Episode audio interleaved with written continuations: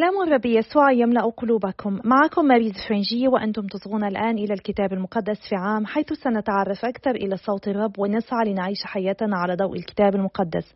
نحن مستمرون في مسيرتنا من سفر التكوين إلى سفر الرؤيا.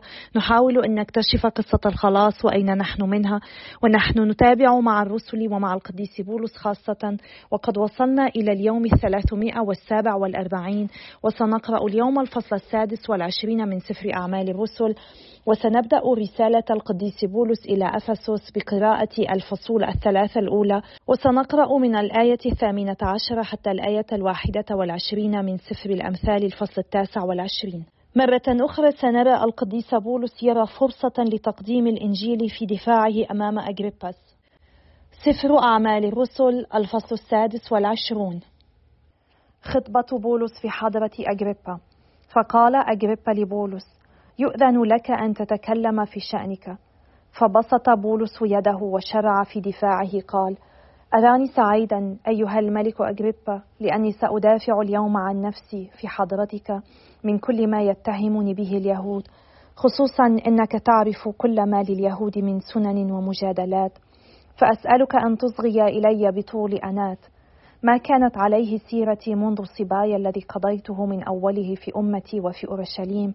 ذلك أمر يعلمه جميع اليهود فهم يعرفونني من زمن بعيد لو شاءوا أن يشهدوا. يعرفون أني اتبعت أكثر مذاهب ديانتنا تشددا فعشت فريسيا. وقد مثلت اليوم لأحاكم من أجل رجاء ما وعد الله به أباءنا والذي يرجو أصباطنا الاثنا عشر أن يبلغوا إليه بالمواظبة على عبادة الله ليل نهار. فبهذا الرجاء أيها الملك يتهمني اليهود فلماذا تحسبون أمرا لا يصدق أن يقيم الله الأموات؟ أما أنا فكنت أرى واجبا علي أن أقاوم اسم يسوع الناصري مقاومة شديدة وهذا ما فعلت في أورشليم. إذ تلقيت التفويض من عظماء الكهنة فحبست بيدي في السجون عددا كثيرا من القديسين وكنت موافقا لما اقترع على قتلهم. وكثيرا ما عذبتهم متنقلا من مجمع إلى مجمع لأحملهم على التجديف. وبلغ مني السخط كل مبلغ حتى أخذت أطاردهم في المدن الغريبة. فمضيت على هذه الحال إلى دمشق ولي التفويض والتوكيل من عظماء الكهنة. فرأيت أيها الملك على الطريق عند الظهر نورا من السماء يفوق الشمس بإشعاعه قد سطع حولي وحول رفقائي. فسقطنا جميعا إلى الأرض وسمعت صوتا يقول لي بالعبرية شاول شاول لماذا تضطهدني؟ يصعب عليك أن ترفس المهماز. فقلت من أنت يا رب؟ قال الرب أنا يسوع الذي أنت تضطهده. فانهض وقم على قدميك فإنما ظهرت لك لأجعل منك خادما وشاهدا لهذه الرؤيا التي رأيتني فيها ولغيرها من الرؤى التي سأظهر لك فيها. سأنقذك من الشعب ومن الوثنيين الذين أرسلك إليهم لتفتح عيونهم فيرجعوا من الظلام إلى النور. ومن سلطان الشيطان إلى الله وينال بالإيمان بي غفران الخطايا ونصيبهم من الميراث في عداد المقدسين. ومن ذلك الحين لم أعصي الرؤيا السماوية أيها الملك أجريبا بل أعلنت للذين في دمشق أولا ثم لأهل أورشليم وبلاد اليهودية كلها ثم للوثنيين أن يتوبوا ويرجعوا إلى الله بالقيام بأعمال تدل على التوبة. فلذلك قبض علي اليهود في الهيكل وحاولوا قتلي وأنا بعون الله قد مثلت إلى اليوم شاهدا للصغير والكبير ولا أقول إلا ما أنبأ الأنبياء وموسى بحدوثه من أن المسيح سيتألم وأنه وهو أول القائمين من بين الأموات سيبشر الشعب والوثنيين بالنور. وبينما هو يدافع عن نفسه بهذا الكلام قال فسطس بأعلى صوته. جننت يا بولس فإن تبحرك في العلم ينتهي بك إلى الجنون. فقال بولس لست بمجنون يا فسطس المكرم ولكني أتكلم كلام الحق والعقل. فالملك الذي أوجه إليه هذا الخطاب مطمئنا يعرف تلك الأمور ويقيني أنه لا تخفى عليه خافية منها ذلك بأنها لم تحدث في بقعة منزوية. أتؤمن بالأنبياء أيها الملك أجريبا؟ أنا أعلم أنك تؤمن بهم. فقال أجريبا لبولس تريد أن تقنعني بأنك بوقت قليل جعلتني مسيحيا؟ قال بولس إني أرجو من الله ليس لك وحدك بل لجميع الذين يسمعوني اليوم أن يصيروا بالقليل أو بالكثير إلى ما أنا عليه ما عدا هذه القيود فقام الملك والحاكم وبرنيق والجالسون معهم فقال بعضهم لبعض وهم منصرفون إن هذا الرجل لا يفعل شيئا يستوجب به الموت أو الاعتقال. وقال أجريبا لفسطس لو لم يرفع هذا الرجل دعواه إلى قيصر لأمكن إخلاء سبيله. رسالة القديس بولس إلى أهل أفسس. الفصل الأول. توجيه الرسالة. من بولس رسول المسيح يسوع بمشيئة الله إلى القديسين المؤمنين الذين في المسيح يسوع. عليكم النعمة والسلام من لدن الله أبينا والرب يسوع المسيح. التدبير الإلهي للخلاص. تبارك الله أبو ربنا يسوع المسيح. فقد باركنا كل بركة روحية في السماوات في المسيح. ذلك بأنه اختارنا فيه قبل إنشاء العالم. لنكون في نظره قديسين بلا عيب في المحبة. وقدر لنا منذ القدم أن يتبنانا بيسوع المسيح على ما ارتضته مشيئته للتسبيح بمجد نعمته التي أنعم بها علينا في الحبيب. فكان لنا فيه الفداء بدمه أي الصفح عن الزلات على مقدار نعمته الوافرة التي أفاضها علينا بكل ما فيها من حكمة وبصيرة. فأطلعنا على سر مشيئته أي ذلك التدبير الذي ارتضى أن يعده في نفسه منذ القدم ليسير بالأزمنة إلى تمامها فيجمع تحت رأس واحد هو المسيح كل شيء ما في السماوات وما في الأرض. وفيه أيضا جعلنا ورثة وقد كتب لنا بتدبير ذاك الذي يفعل كل شيء كما تريده مشيئته. أن نكون من سبق أن جعلوا رجاءهم في المسيح للتسبيح بمجده. وفيه أنتم أيضا سمعتم كلمة الحق أي بشارة خلاصكم. وفيه آمنتم فختمتم بالروح الموعود الروح القدس وهو عربون ميراثنا إلى أن يتم فداء خاصته للتسبيح بمجده. انتصار المسيح وسموه. لذلك فإني أنا أيضا مذ سمعت بإيمانكم في الرب يسوع وبمحبتكم لجميع القديسين. لا أكف عن شكر الله في أمركم ذاكرا إياكم في صلواتي لكي يهب لكم إله ربنا يسوع المسيح أبو المجد. روح حكمة يكشف لكم عنه تعالى لتعرفوه حق المعرفة. وأن ينير بصائر قلوبكم لتدركوا ما هو الرجاء الذي تنطوي عليه دعوته وما هي سعة المجد في ميراثه بين القديسين وما هي عظمة قوته الفائقة لخيرنا نحن المؤمنين والموافقة لعمل قدرته العزيزة الذي عمله في المسيح إذ أقامه من بين الأموات وأجلسه إلى يمينه في السماوات فوق كل صاحب رئاسة وسلطان وقوة وسيادة وفوق كل اسم يسمى به مخلوق لا في هذا الدهر وحده بل في الدهر الآتي أيضا وجعل كل شيء تحت قدميه ووهبه لنا فوق كل شيء رأسا للكنيسة وهي جسده وملء ذاك الذي يملأه الله تماما. الفصل الثاني الخلاص المجاني في المسيح. وأنتم وقد كنتم أمواتا بزلاتكم وخطاياكم التي كنتم تسيرون فيها بالأمس متبعين سيرة هذا العالم سيرة سيد مملكة الجو ذاك الروح الذي يعمل الآن في أبناء المعصية. وكنا نحن أيضا جميعا في جملة هؤلاء نحيا بالأمس في شهوات جسدنا ملبين رغبات الجسد ونزعاته. وكنا بطبيعتنا أبناء الغضب كسائر الناس ولكن الله الواسع الرحمة لحبه الشديد الذي أحبنا به مع أننا كنا أمواتا بزلاتنا أحيانا مع المسيح بالنعمة نلتم الخلاص وأقامنا معه وأجلسنا معه في السماوات في المسيح يسوع فقد أراد أن يظهر للأجيال الآتية نعمته الفائقة السعة بلطفه لنا في المسيح يسوع. فبالنعمة نلتم الخلاص بفضل الإيمان فليس ذلك منكم بل هو هبة من الله وليس من الأعمال لئلا يفتخر أحد لأننا من صنع الله خلقنا في المسيح يسوع للأعمال الصالحة التي أعدها الله بسابق إعداده لنمارسها. الصلح بين اليهود والغرباء وبينهم وبين الله. فاذكروا أنكم بالأمس أنتم الوثنيين بالجسد أنتم الذين كان أهل الختان يسمونهم أهل القلف لأن جسدهم ختن بفعل الأيدي. اذكروا أنكم كنتم حينئذ من دون المسيح مفصولين من رعية إسرائيل غرباء عن عهود الموعد. ليس لكم رجاء ولا إله في هذا العالم. أما الآن ففي المسيح يسوع أنتم الذين كانوا بالأمس أباعد قد جعلتم أقارب بدم المسيح فإنه سلامنا فقد جعل من الجماعتين جماعة واحدة وهدم في جسده الحاجز الذي يفصل بينهما أي العداوة وألغى شريعة الوصايا وما فيها من أحكام ليخلق في شخصه من هاتين الجماعتين بعدما أحل السلام بينهما إنسانا جديدا واحدا ويصلح بينها وبين الله فجعلهما جسدا واحدا بالصليب وبه قضى على العداوة.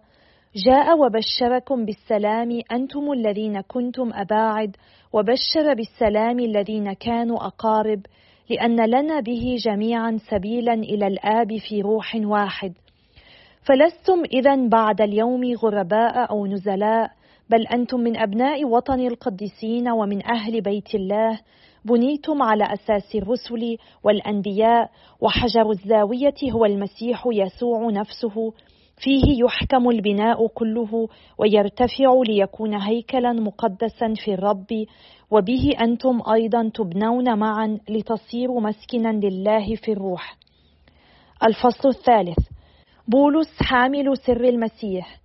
لذلك أنا بولس سجين المسيح يسوع في سبيلكم أنتم الوثنيين. إذا كنتم قد سمعتم بالنعمة التي وهبت لي بتدبير إلهي من أجلكم وكيف أطلعت على السر بوحي كما كتبته إليكم بإجاز من قبل فتستطيعون إذا ما قرأتم ذلك أن تدركوا تفهم سر المسيح. هذا السر الذي لم يطلع عليه بنو البشر في القرون الماضية وكشف الآن في الروح إلى رسله وأنبيائه القديسين. وهو أن الوثنيين هم شركاء في الميراث والجسد والوعد في المسيح يسوع. ويعود ذلك إلى البشارة التي صرت لها خادما بنعمة الله التي وهبتها لي عزته القديرة. أنا أصغر صغار القديسين جميعا. وهبت لي هذه النعمة وهي أن أبشر الوثنيين بما في المسيح من غنى لا يسبر غوره وأبين كيف حقق ذلك السر الذي ظل مكتوما طوال الدهور في الله خالق جميع الأشياء. فاطلع أصحاب الرئاسة والسلطان في السماوات عن يد الكنيسة على حكمة الله الكثيرة الوجوه وفقا لتدبيره الأزلي. ذلك الذي حققه بالمسيح يسوع ربنا. وبه نجرؤ إذا آمنا به على التقرب إلى الله مطمئنين. فأسألكم ألا تفتر همتكم من المحن التي أعانيها من أجلكم فإنها مجد لكم. صلاة بولس. لهذا اشثو على ركبتي للآب فمنه تستمد كل أسرة اسمها في السماء والأرض وأسأله أن يهب لكم على مقدار سعه مجده أن تشتدوا بروحه ليقوى فيكم الإنسان الباطن وأن يقيم المسيح في قلوبكم بالإيمان حتى إذا ما تأصلتم في المحبة وأسستم عليها أمكنكم أن تدركوا مع جميع القديسين ما هو العرض والطول والعلو والعمق وتعرفوا محبة المسيح التي تفوق كل معرفة فتمتلئ بكل ما في الله من كمال. ذاك الذي يستطيع بقوته العاملة فينا أن يبلغ ما يفوق كثيرا كل ما نسأله أو نتصوره.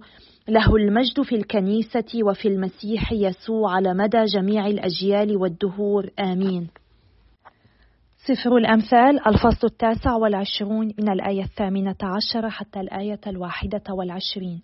إذا لم تكن هناك رؤية كان الشعب مطلق العنان والذي يحفظ الشريعة طوب له.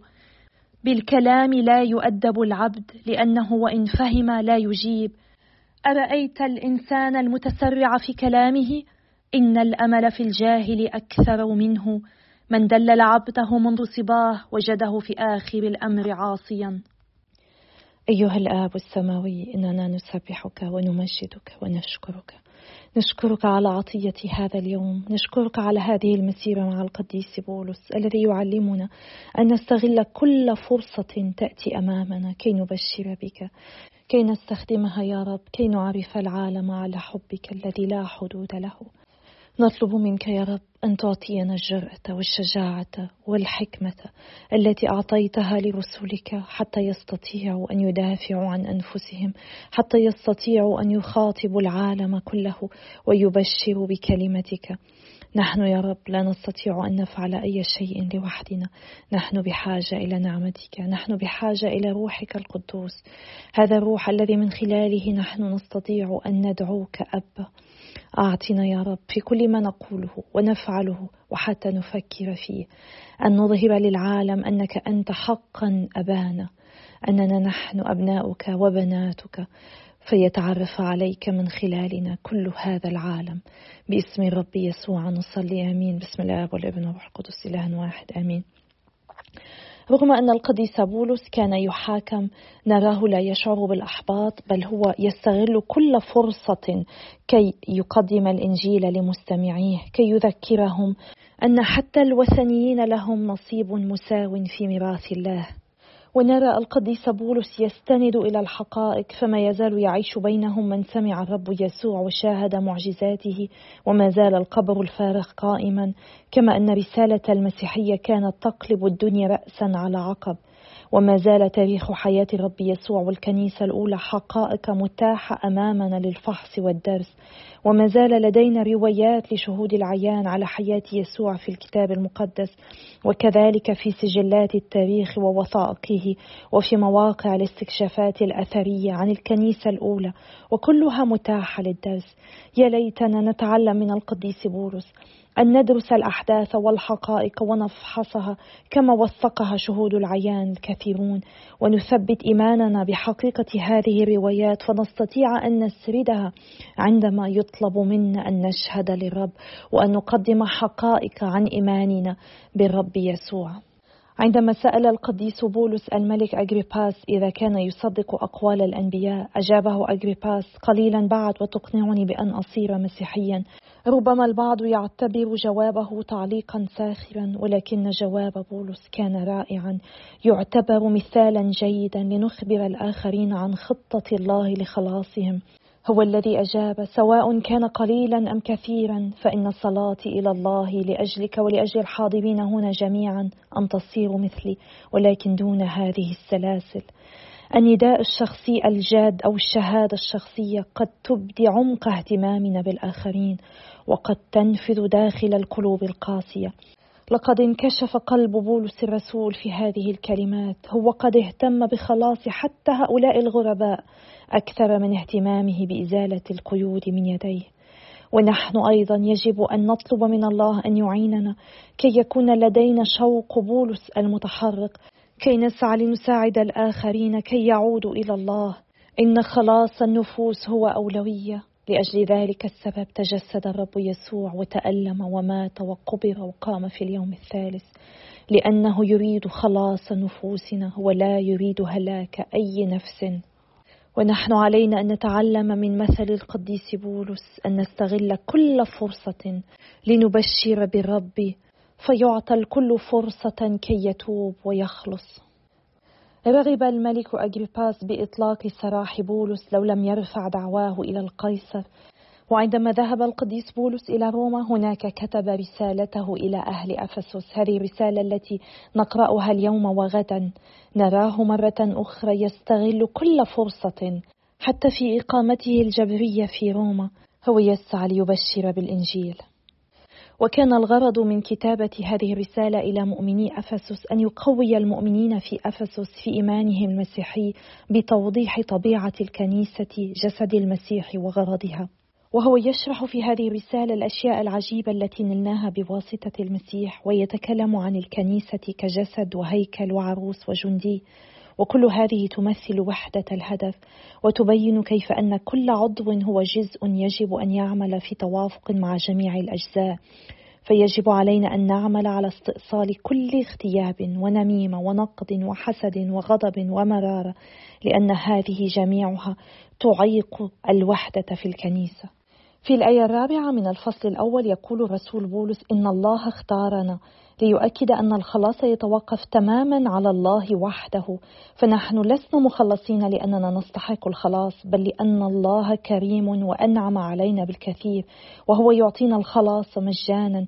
ونحن لم نؤثر في قرار الله بخلاصنا فقد صنع هو ذلك بناء على مقاصده هو. فلا فضل لنا إطلاقا في خلاصنا ولا مجال للافتخار. لقد نشأ سر الخلاص أصلا في فكر الله الأزلي قبل أن نوجد ومن الصعب أن ندرك كيف يمكن لله أن يقبلنا. ولكن في المسيح نحن صرنا قديسين بلا لوم أمامه كما قال القديس بولس. الله اختارنا الله اختارك لقد اختارك الله. وعندما تصبح له في المسيح يسوع يراك وكأنك لم تخطئ أبدا. يا لها من عطية ثمينة نحن لا نستحقها وللأسف نحن نتغاضى كثيرا عنها ونظن أننا باستحقاقنا نحن نلنا الخلاص وأصبحنا قادرين أن ندعو الله أبانا. ونقرأ لاحقا من الآية الخامسة سبق فعيننا في المحبة ليتخذنا أبناء له بيسوع المسيح وذلك موافق للقصد الذي سرت به مشيئته بغرض مدح مجد نعمته التي بها أعطانا حظوة لديه في المحبوب ففيه لنا بدمه الفداء أي غفران الخطيئة بحسب غنى نعمته التي جعلها تفيض علينا مصحوبة بكل حكمة وفهم. هذا الكلام موجه لكل واحد منا.